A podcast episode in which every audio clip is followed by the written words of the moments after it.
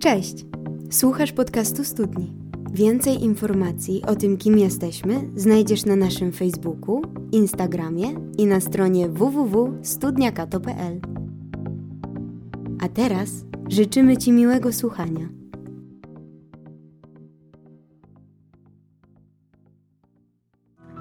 Cześć i czołem! Bardzo się cieszę, że jesteście razem z nami w studni. Cieszę się bardzo, że możemy razem w studni dzisiaj się spotkać i niezależnie od tego, czy e, jesteście tutaj razem z nami, strasznie was nie widzę, ale może jak się jakoś tak ustawię, to, to was zobaczę.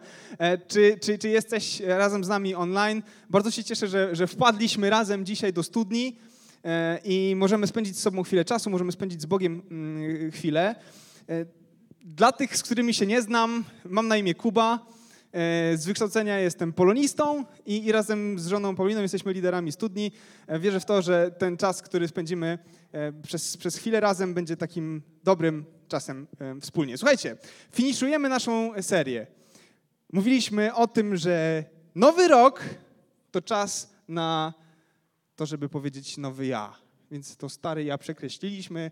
Więc można się domyśleć, że chodzi o to, że, że, że nowy ja, nadchodzi nowa, lepsza wersja mnie. Nie? Więc mówiliśmy o opakowaniu na siłowni, mówiliśmy o tworzeniu kaloryferów, mówiliśmy o y, wchodzeniu w nową dietę. Prawie o tym wszystkim mówiliśmy. To tak w, w domyśle w sumie, ale tak naprawdę, słuchajcie, zajęliśmy się czymś ciut głębiej. Bo, bo może jest tak, że te nasze noworoczne postanowienia, to, co chcemy zacząć, nie musi się koncentrować tylko na tym, co widzialne. Czyli to, co widzialne, jakby temu jest łatwo zrobić zdjęcie. Nie? Jak się idzie na siłkę, łatwo cyknąć fotę, e, wrzucić na Instagrama, napisać work in progress i wtedy jest taka, taka duma, że wow, że ja nad sobą pracuję, wszyscy to widzą, e, jest fajnie, można oglądać jakieś wymierne efekty mojej pracy. No dobra, nie zawsze. Ale, ale ogólnie jest, jest to pod kontrolą, można to zobaczyć. A czasami są takie sfery naszego życia, których nie widać. E, a kiedy nie poświęcamy im czasu, kiedy nad nimi nie pracujemy, to się dzieją katastrofy. Bo e, gdy w tych rejonach naszego życia, naszego istnienia nie zmienia się coś, to czasami sami siebie zamykamy w różnych klatkach. I sami siebie otwieramy na zranienia, które często sami sobie zadajemy. Mówiliśmy e, o pokorze i pysze pierwszym, na pierwszym spotkaniu, potem mówiliśmy o lenistwie, trochę, rozmawialiśmy też o pracowitości, potem rozmawialiśmy o finansach, o pieniądzach i o chciwości versus um, takie inne podejście do pieniądza, które proponuje nam Jezus w Ewangeliach. To jest podejście, które sprawia, że pieniądz nie jest moim panem, ale jest tylko narzędziem, które używam, którego używam. I na koniec rozmawialiśmy o przebaczeniu. I to są takie sfery w życiu, e, co do których jeśli nad nimi nie pracujemy, jeśli nie wpuszczamy tam Boga i nie, nie, jakby nie dajemy Jemu pracować też w nas, to czasami właśnie wsadzamy siebie w klatki. I dzisiaj podsumowujemy to wszystko i ktoś może powiedzieć tak, nie no fajnie, fajnie z tą, z tą pokorą, e, fajnie z, tą, z tym brakiem chciwości, jakby chcę tego, chciałbym tego. Ale problem, z którym się zmagam, leży może trochę głębiej, może to jest trochę tak, jakbym był samochodem. Wyobraźcie sobie na chwilę, to abstrakcyjne jest zupełnie, wiem. E, ale wyobraźcie sobie na chwilę, że jesteście samochodami. Jedziecie do, e, do mechanika e, i, zepsuł wam się przycisk do opuszczania szyby. E, no i staracie się naprawić ten przycisk w swoim życiu. Ale potem się okazuje, że problem tkwi gdzieś głębiej. Że silnik na przykład jest na granicy Y, i zaraz siądzie. I okazuje się, że ta praca nad szybą w ogóle to jest mało ważne. Więc, więc może jest tak, że te rzeczy, o których rozmawialiśmy, one są głębiej, ale jeszcze nie wystarczająco głęboko. Więc dzisiaj chciałbym, żebyśmy e, pokopali trochę głębiej. Jeśli nie byłeś na poprzednich studniach, jeśli nie byłeś razem z nami, e, możesz odpalić sobie Spotify, podcasty Apple'a, możesz wejść na Facebooka i posłuchać tego, co mówiliśmy ostatnio. Jeśli tego nie zrobiłeś, jeśli nie, nie, nie słyszałeś poprzednich studni, nic się nie dzieje mam, wrażenie, mam nadzieję, że się dzisiaj wszyscy razem tutaj odnajdziemy. E, słuchajcie, a nasze, naszą podróż dzisiaj rozpoczniemy nietypowo. Być może kojarzycie tę książkę. E, to jest taka książka, którą e, poloniści wyżywają się na swoich uczniach. Wszyscy cierpią, czytają. Mitologia Parandowskiego. Narodziny świata. Na początku był chaos. Któż zdoła powiedzieć, dokładnie, co to był chaos. Niejedni widzieli w nim jakąś istotę boską, ale bez określonego kształtu. Inni, a takich było więcej, mówili, że to wielka otchłań pełna siły twórczej i boskich nasieni. Jakby jedna masa nieuporządkowana, ciężka i ciemna, mieszanina ziemi, wody, ognia, powietrza. I z tej napełnionej otchłani, kryjącej w sobie wszystkie zarodki przyszłego świata, wyłoniły się dwa potężne bóstwa. I tak dalej, i tak dalej. Jesteśmy w, w kościele, w budynku, który jest budynkiem kościoła, więc y, można zajść w głowę, dlaczego czytamy mitologię tutaj. Chyba to nie to miejsce, nie ten klimat. Mm, ale pomyślałem sobie, słuchajcie, jak to przeczytałem, że oczywiście nie, nie, zgadzam się za bardzo z wizjami mitologicznymi starożytnych Greków i tym, jak sobie tłumaczyli rzeczywistość. Pewnie większość z nas się nie zgadza. Ale jest tutaj taka myśl, która, która myślę, że jest w dychę. Jest jakby centralnie trafiona w sam środek tarczy. I to jest ta myśl, która zawarła się w pierwszym zdaniu tego, co przeczytałem, czyli na początku był chaos. Na początku był chaos. Co to znaczy? Starożytni mieli z chaosem problem, nie wiedzieli, co to tak naprawdę jest. To jest jakaś taka nieokreślona, właśnie, siła, kula, nie wiadomo o co chodzi. To jest jakaś nieokreślona przestrzeń, wiecie, braku harmonii, jest to jakieś zagmatwanie, jakaś niestałość, brak porządku, jest to taka przestrzeń rozbicia, e, taka przestrzeń, w której nic nie wiadomo, wszystko jest niepewne, wszystko jest płynne. Na początku był chaos. Mówili o tym już starożytni Grecy. I problem polega na tym, tak, takie mam przemożne wrażenie, że nic się od tamtej pory nie zmieniło. Oni mierzyli się z chaosem w swojej mitologii, a my dzisiaj mierzymy się z chaosem każdego dnia. E, każdego dnia. Pochodzę z Rudy Śląskiej. Mamy tu kogoś z Rudy? Jeszcze? To jest moja siostra. Ciężko, żeby była z innego miasta. Fajnie. Cieszę się, Sara. Ruda jest ekstra. Słuchajcie, Ruda to jest taka, takie dziwne miasto, e, graniczące z Katowicami, nieduże, 120 tysięcy mieszkańców. E, pewnie słychać o nim ostatnio trochę w mediach, bo to jest miasto żyjące z górnictwa, a górnictwo ostatnio jest zamykane, więc może się wam obiło uszy. Ruda to jest dziwne miasto, dlatego że nikt nie wie, gdzie jest centrum. Rudy. I to jest, wiecie, takie egzystencjonalne, trudne pytanie dla Rudzian. No, jakby oni wstają często rano z łóżka i się zastanawiają, moje życie jest niekompletne, bo nie wiem, gdzie jest centrum mojego miasta. No, niby jest taka dzielnica, że jest jakiś rynek i urząd miasta, ale umówmy się, to nie wygląda jak centrum. Ruda została sklejona z takich mniejszych, wiecie, miejscowości i każda jakby ma taki swój niby punkt, taki środkowy, nie? takie centrum, swoje małe. Więc Rudzianie przez sześć dni w tygodniu wstają rano i się zastanawiają, gdzie jest centrum mojego miasta. Ale jest jeden taki dzień, kiedy każdy rudzianin traci ten problem ze swojego takiego życiowego horyzontu. Jest jeden taki dzień w tygodniu, kiedy każdy rudzianin wie, gdzie jest centrum jego miasta. W czwartki na Wirku, moja dzielnia, jest targ. Jak jest targ, to to jest centrum nie tylko Rudy, to jest centrum Śląska, a nawet mam wrażenie, że centrum Wszechświata.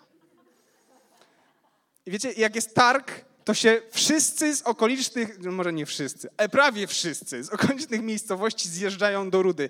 Wiem, y, słyszałem o takich sklepikarzach, którzy przyjeżdżają z innych województw, z innych części Polski.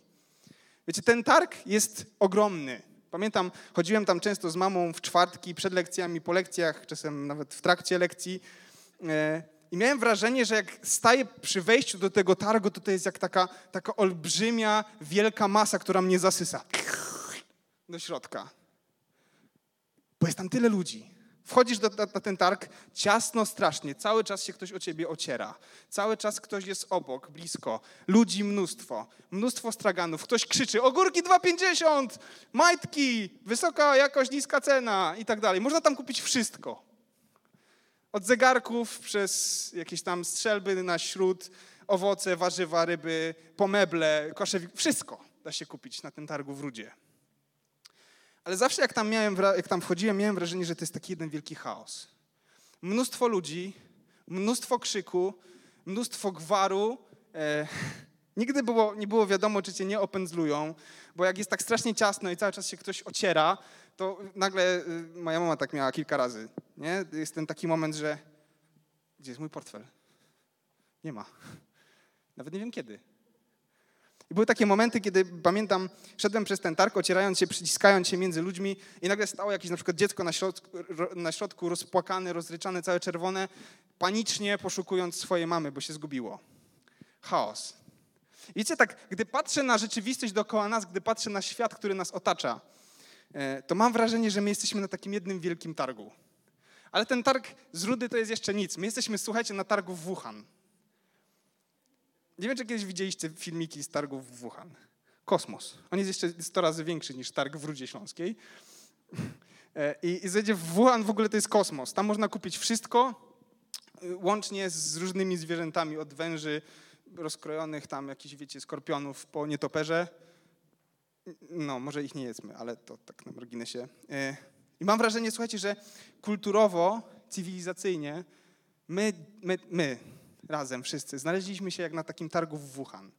E, jesteśmy na takim wielkim targu różnych pomysłów, koncepcji, filozofii. Jest to miejsce przekrzykujących się ludzi. Każdy z nich twierdzi, że ma rację.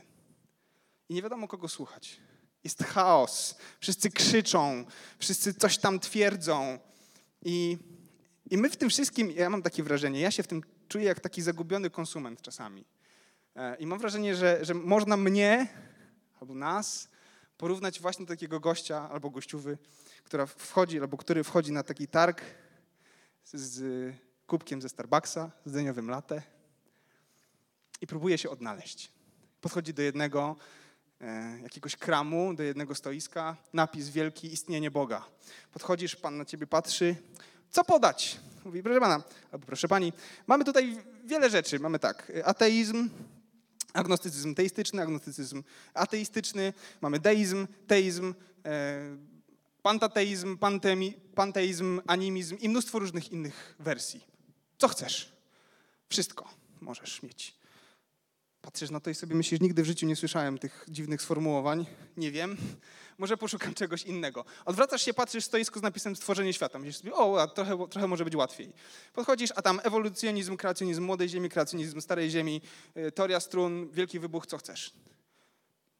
Nie wiem, nie jestem geologiem, nie jestem biologiem, nie, poszukam czegoś innego. Idziesz dalej, patrzysz, stoi kobieta i krzyczy carpe diem, chwytaj dzień. Możesz mieć wszystko, czego zapragniesz. Chodzi tylko o to, żebyś żył dla własnej przyjemności i sobie myślisz, wow, no to jest jakiś pomysł na życie. Chcesz iść w tę stronę, ale potem nagle stwierdzasz, że, że może wizja obudzenia się w dziwnym miejscu w nocy, bez kasy, z takim przeświadczeniem, że jak mi urwało film, to się stało coś, co, coś, co nie powinno się stać, nie jest najlepszą opcją. Więc stwierdzasz, no dobra, może ta koncepcja nie jest do końca dla mnie. Patrzysz, stoi stoik który nigdy nie wpada w tego typu stany, bo kontroluje swoje emocje. Podchodzisz do niego, no ale on znowu ma problem, bo on żadnych emocji nie okazuje. A ty też tak nie chcesz do końca. Więc odwracasz się i idziesz dalej. I spotykasz ludzi, którzy krzyczą. Jeden mówi, że Ziemia jest płaska, drugi, że okrągła. Jeden twierdzi, że y, język nauki jest najlepszym językiem do opisu rzeczywistości, a drugi twierdzi, że nie, że nauka to jest ściema i to jest sprawa, którą ci mądrzejsi niby manipulują tymi słabszymi, tymi, którzy nie uważają się za tak mądrych. Wiecie, jakby jest taki rozgardy, że jest chaos. Chodzisz po tym targu, w zasadzie dopiero co tam wszedłeś, a już się gubisz. Nie wiesz, co wybrać, w którą stronę iść, co zrobić.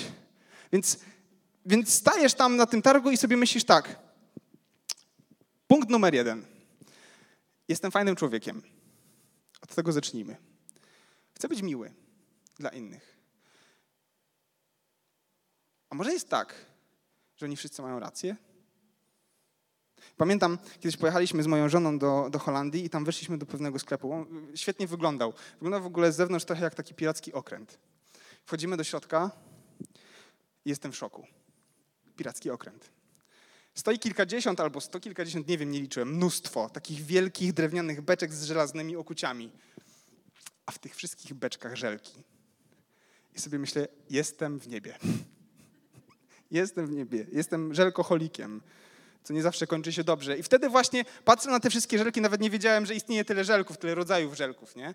E, patrzę na te wszystkie żelki i sobie myślę, a gdyby wziąć wszystkie? W sensie nie tak wszystkie, wszystkie, ale z każdego nie.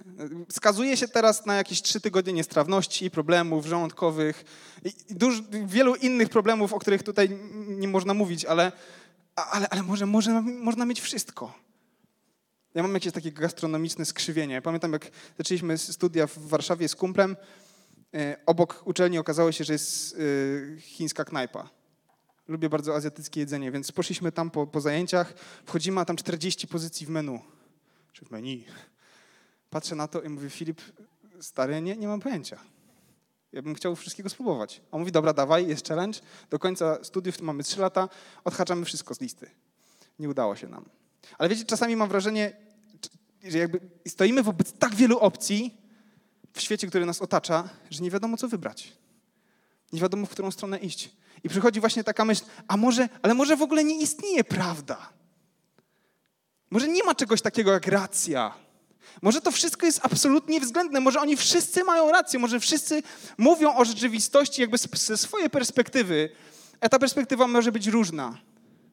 Więc może da się na przykład po, połączyć buddyzm, który mówi, że Bóg nie istnieje osobowy i chrześcijaństwo albo teizm w ogóle, które mówi, że Bóg istnieje. Może, jakby, może się da, więc na chwilę odwieszamy logikę w ogóle i to, że jakby zdania dwa, które są twierdzenia wzajemnie sprzeczne, nie, nie mogą być oba prawdziwe i twierdzimy, że może prawdy nie ma. Trudno się jest odnaleźć. Co wybrać? I mówię o tym dlatego, że mówimy dzisiaj o tym, że na nowo. I może jest tak, że jesteś w takim momencie swojego życia, że, że, że ci się to życie rozjeżdża. Że ucieka ci między, palce, między palcami. I chciałbyś coś z tym zrobić, chciałbyś je jakoś łapać. Chciałbyś się pozbierać i gdzieś z tym ruszyć, ale gdzie? Gdzie iść? Co wybrać? Ten kumpel mówi ci to, ta koleżanka mówi ci to, ten mówi o buddyzmie, ten mówi a, a spróbujmy, a nihilizm, Bóg, w ogóle Boga nie ma. Ktoś mówi ateizm, ktoś mówi teizm. Jak się w tym wszystkim odnaleźć, jak się w tym wszystkim połapać? Chaos. Jak na targu w Wuhan. Um, chaos nas otacza. A wiecie co? To, to w ogóle nie jest, nie jest najgorsze. Um, ta, ta możliwość wyboru sama w sobie jest fajna ale ciężko dokonać świadomego wyboru. To jednak nie jest koniec. Chaos jest nie tylko na zewnątrz. Chaos może być też wewnątrz nas. Jordan Peterson, e, taki psycholog kliniczny profesor e, Uniwersytetu Harvarda i Uniwersytetu w Toronto, e, napisał taką książkę, która nosi tytuł 12 życiowych zasad antidotum na chaos. I teraz mała dygresja. 12 życiowych zasad antidotum na chaos. Słuchajcie, książka stała się bestsellerem. W 2020 roku wydrukowano ponad 5 milionów egzemplarzy i przetłumaczono tą książkę na 45 języków. Hit. A sam Jordan Peterson stał się takim profesorskim celebrytą trochę. Jest go mnóstwo, pełno w mediach. Może, może się z nim spotkaliście. I on w tej książce, słuchajcie, napisał coś takiego. Gdy rutynowe schematy, na których polegamy w życiu, przestają działać, wszystko, co było dotychczas ignorowane, wypływa na wierzch. Gdy przedmioty wymykają się swoim precyzyjnym specyfikacją, mury się walą i do środka wdziera się chaos. Peterson mówi o tym, że próbujemy jakoś ten chaos złapać, jakoś poukładać sobie życie, więc e, wchodzimy w pewne rutyny, w pewne schematy, tak? Budujemy jakieś schematy.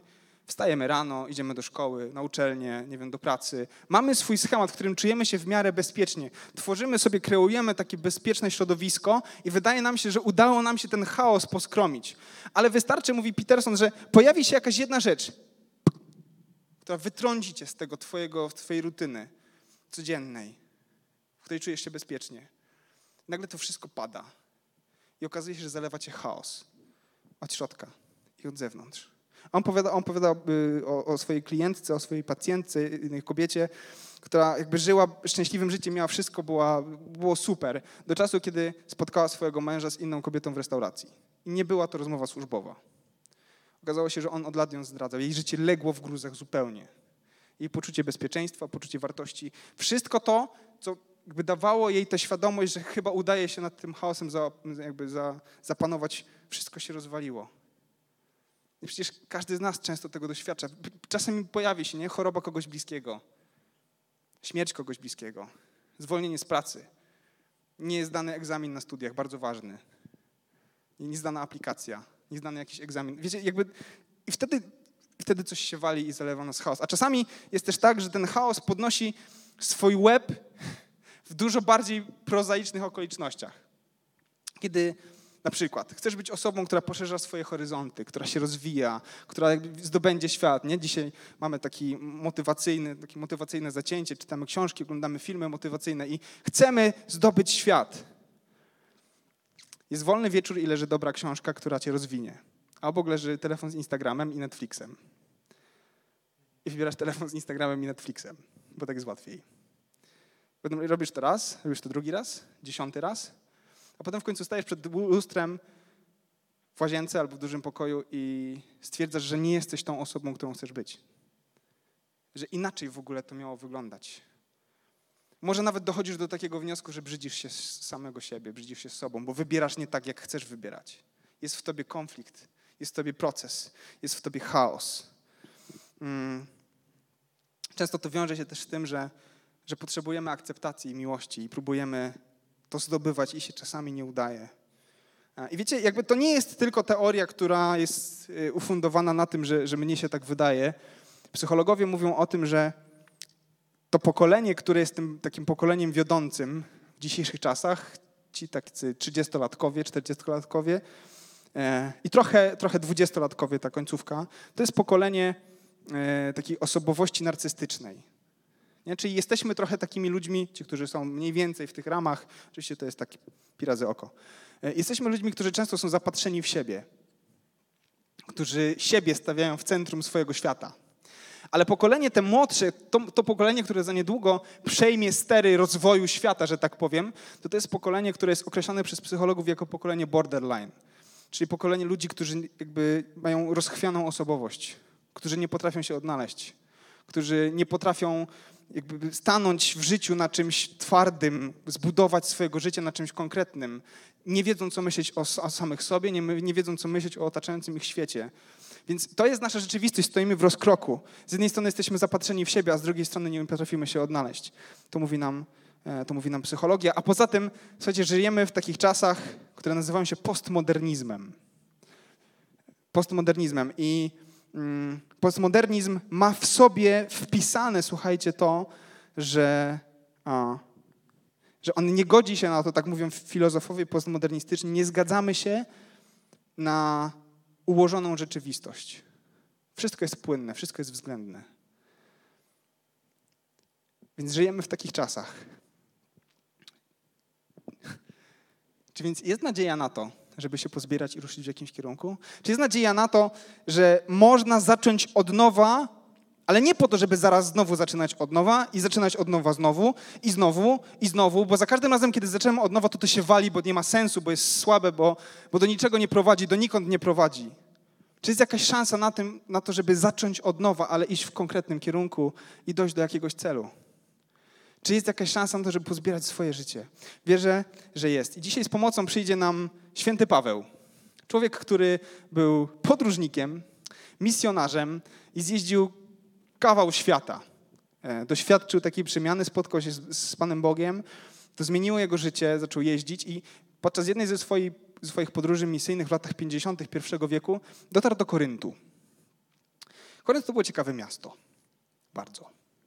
E, to było takie miasto, które było w, miastem greckim, położonym w takiej cieśninie. W sensie było morze, 6 kilometrów lądu i drugie morze.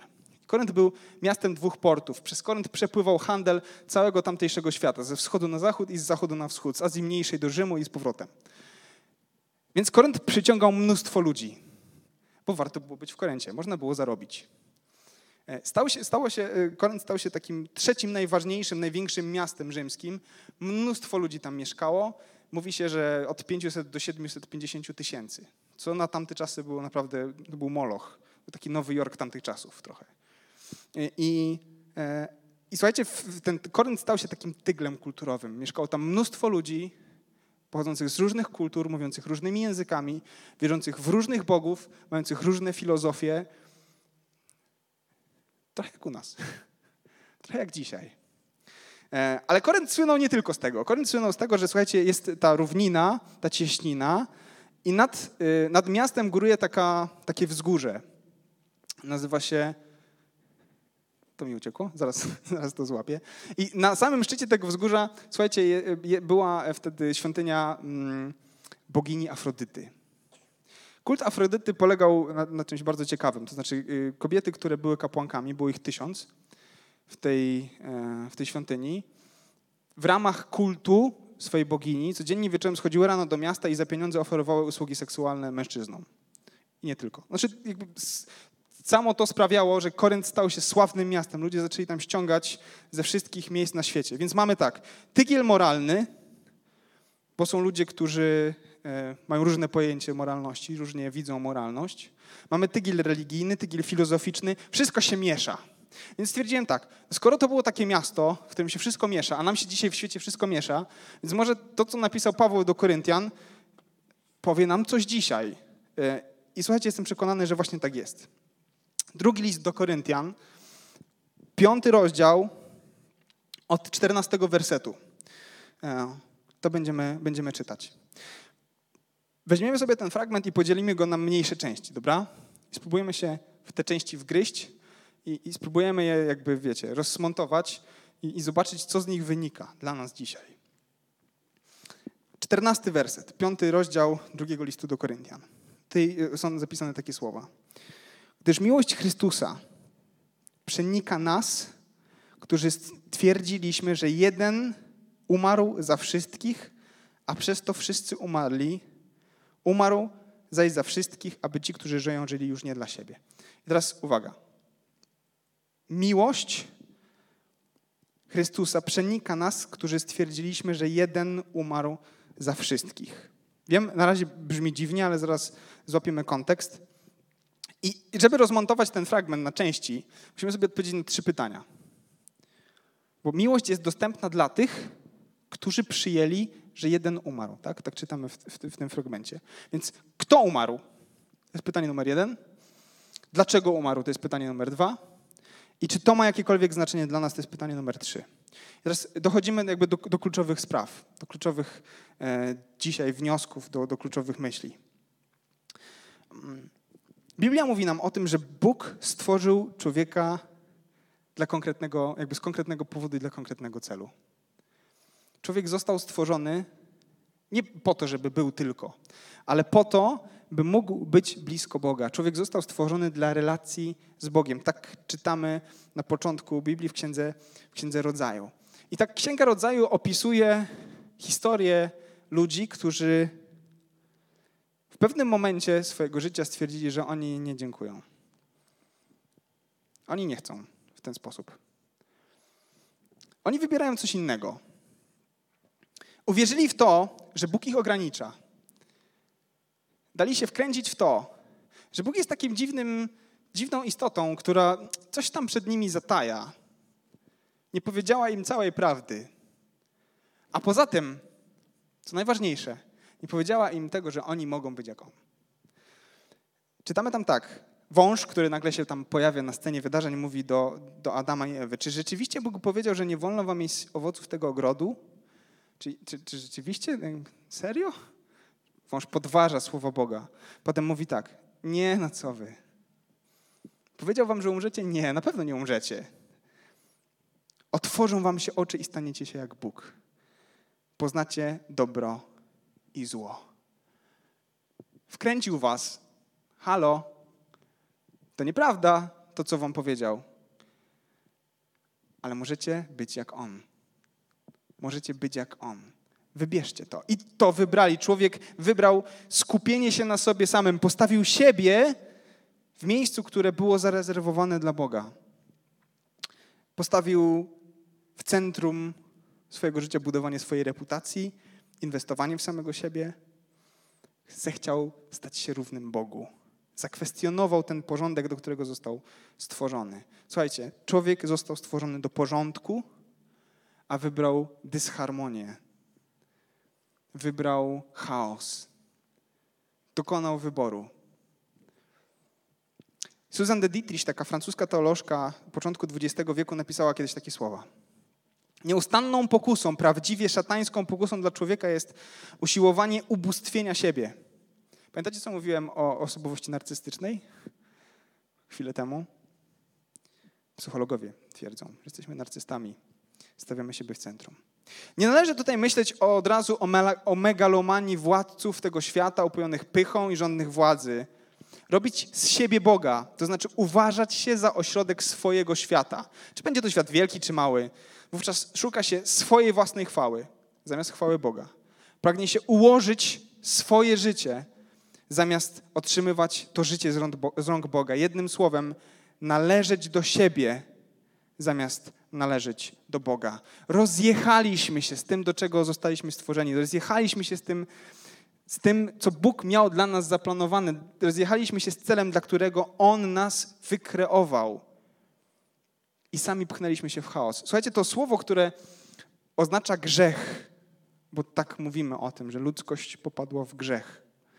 To słowo hamartia, e, może kojarzycie, to też jest ważne słowo w kontekście dramatu greckiego, e, oznacza, oznacza po prostu winę, tak? ale ono pierwotnie znaczy, słuchajcie, to, co lubili Grecy.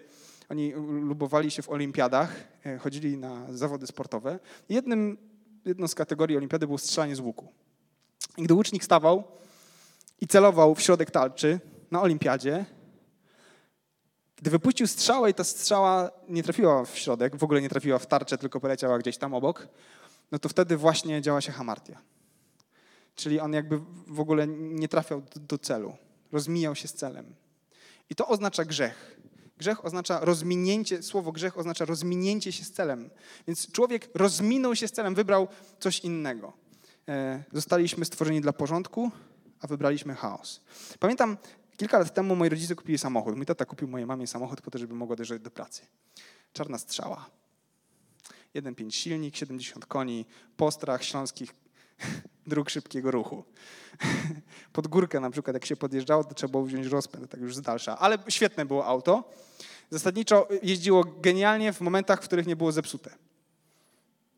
Ciężko oszacować, których momentów było więcej.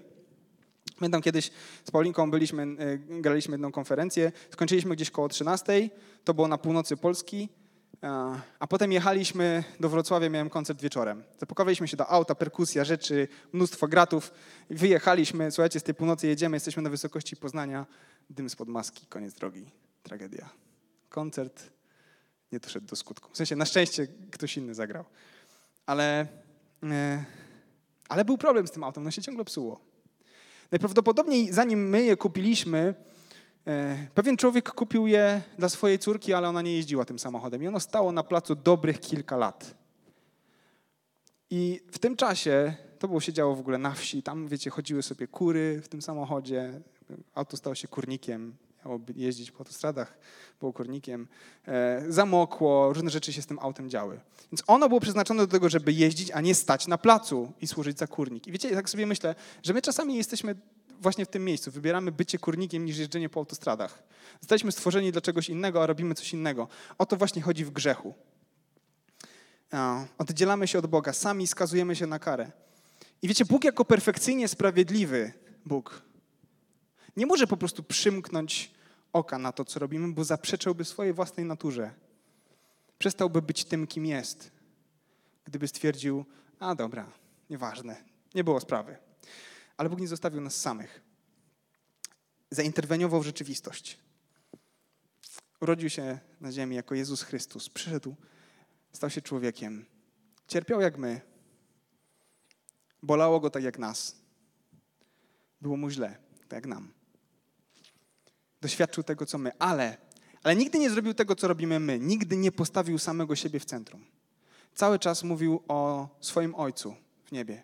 Cały czas mówił o tym, że On jest najważniejszy. Cały czas był w tym miejscu, w którym my powinniśmy być. A na koniec wziął na siebie nasze winy i umarł na krzyżu. To znaczy tą, tą karę, która jest dla nas przewidziana za to, że nie jesteśmy w miejscu, w którym powinniśmy być, On wziął na siebie i umarł na krzyżu. Trochę tak, słuchajcie, jakbyśmy poszli do banku. Nie wiem, z bankiem chyba się nie da zrobić, ale z chwilówkami już tak.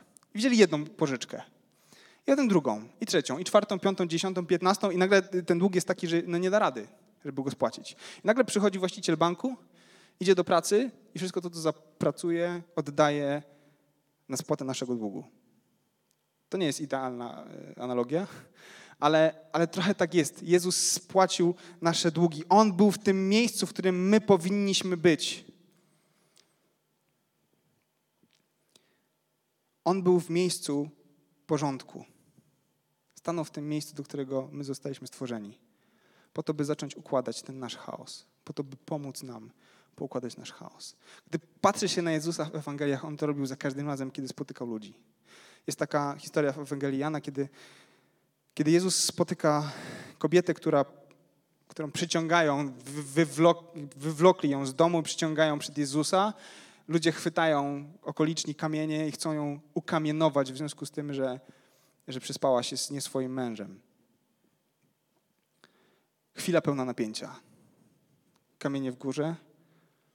Jezus pisze palcem po piasku i nagle mówi, kto jest bez grzechu, niech pierwszy rzuci kamieniem. Nikt się na to nie decyduje, wszyscy odchodzą. Wtedy patrzę na tą kobietę i mówi do niej, ja cię nie potępiam. Wiecie, co on zrobił w tym momencie? Ona była w miejscu kompletnego chaosu. Wiedziała dokładnie, każdy Żyd w tamtych czasach wiedział, czym się kończy przekroczenie prawa. Seks poza małżeństwem był karany śmiercią, koniec, kropka. Wszyscy to wiedzieli. Od zawsze, od zarania, od najmłodszych lat wszyscy się tego uczyli na pamięć. Ona wiedziała doskonale, co pociąga jej wybór.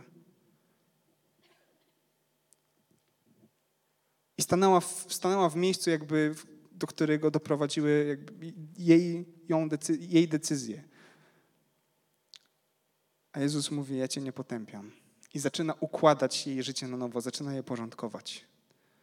Tak samo działo się z Zacheuszem. Zacheusz to był mały człowiek, kolaborant. Ludzie go nie lubili, współpracował z Rzymem.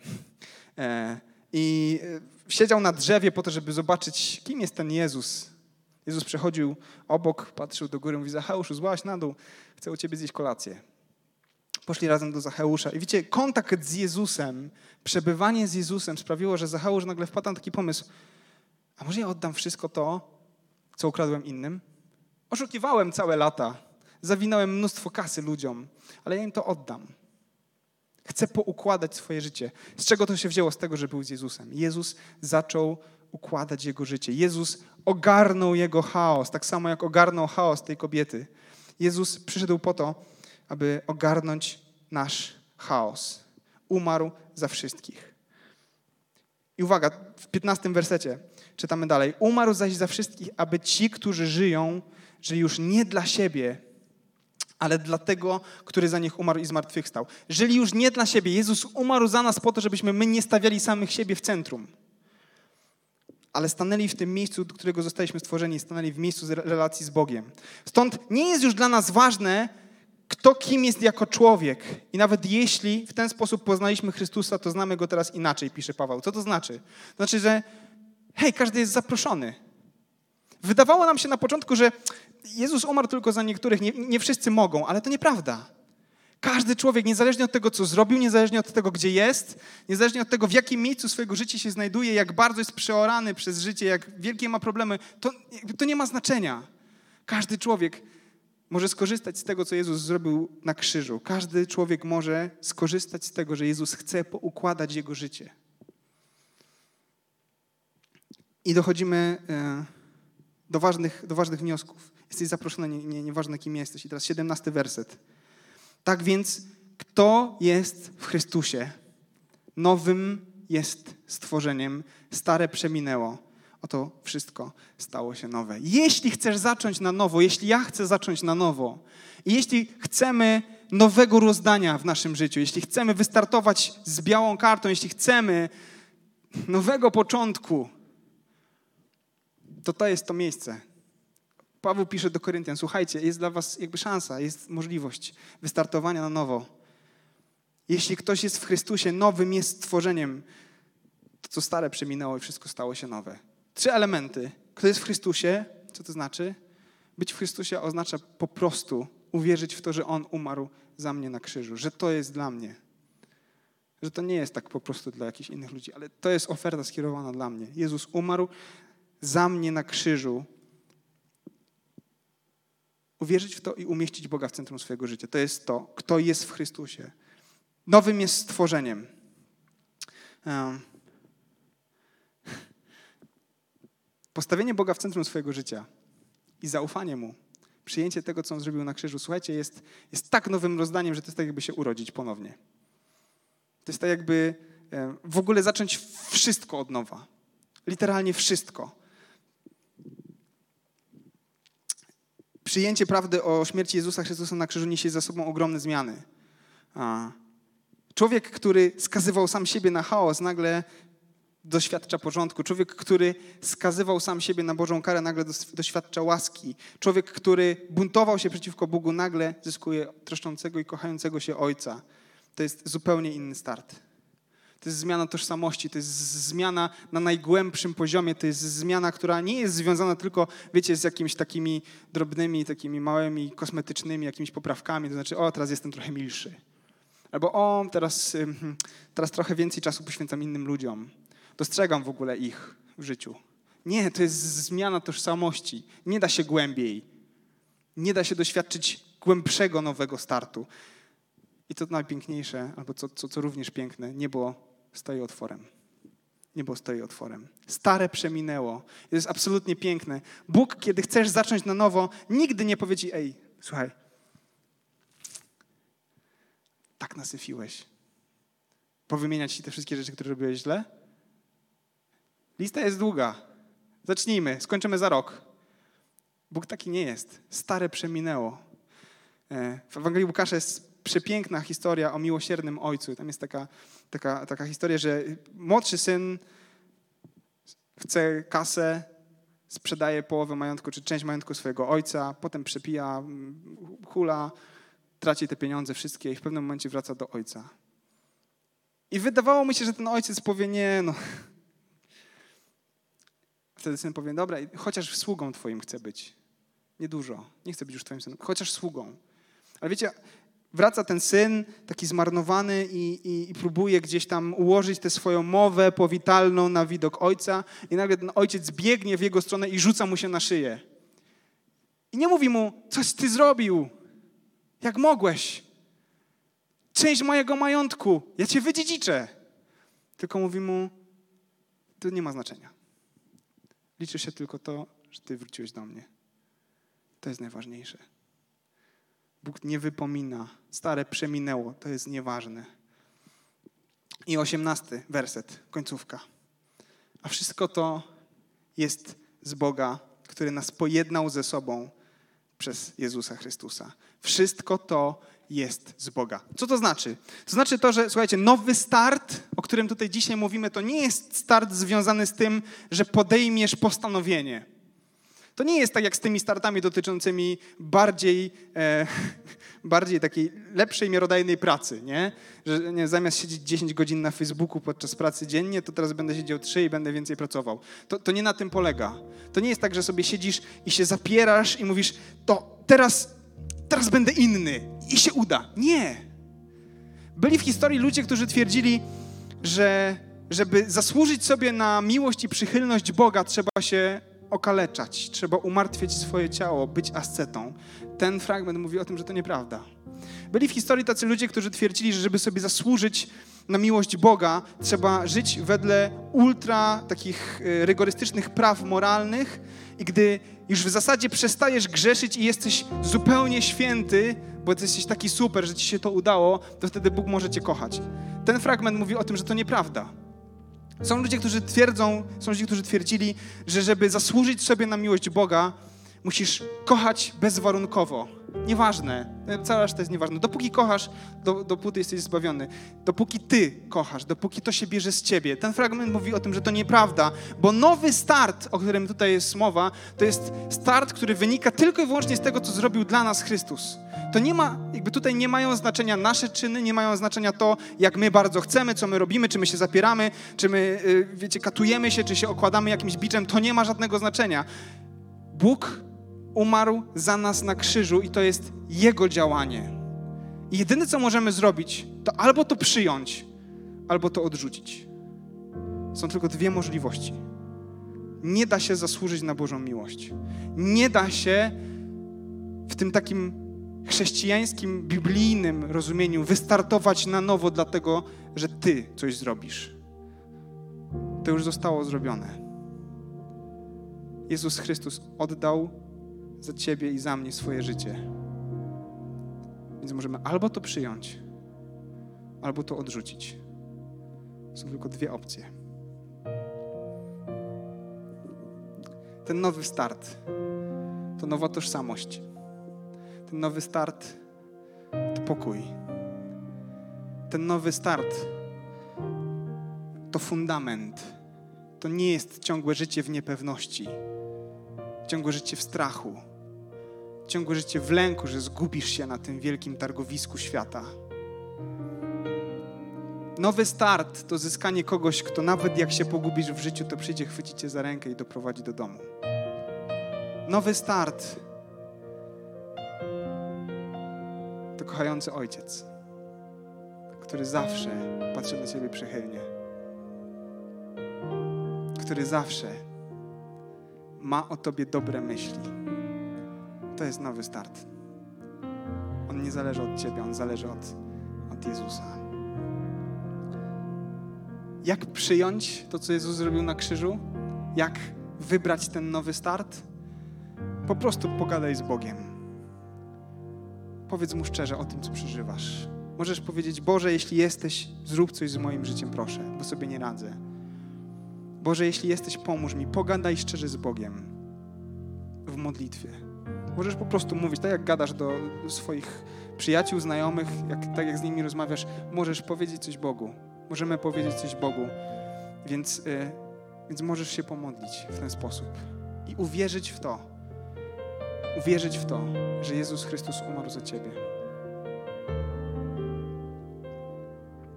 Jeśli nie wiesz, jak to zrobić, jeśli to wydaje się jakieś dziwne, trudne e, dla ciebie, jeśli masz taką potrzebę, z chęcią ci pomożemy, z chęcią zrobimy to z tobą. Napisz do nas na fejsie, na Instagramie, na privie, e, jeśli gdzieś tam się widzimy na, na, na Facebooku.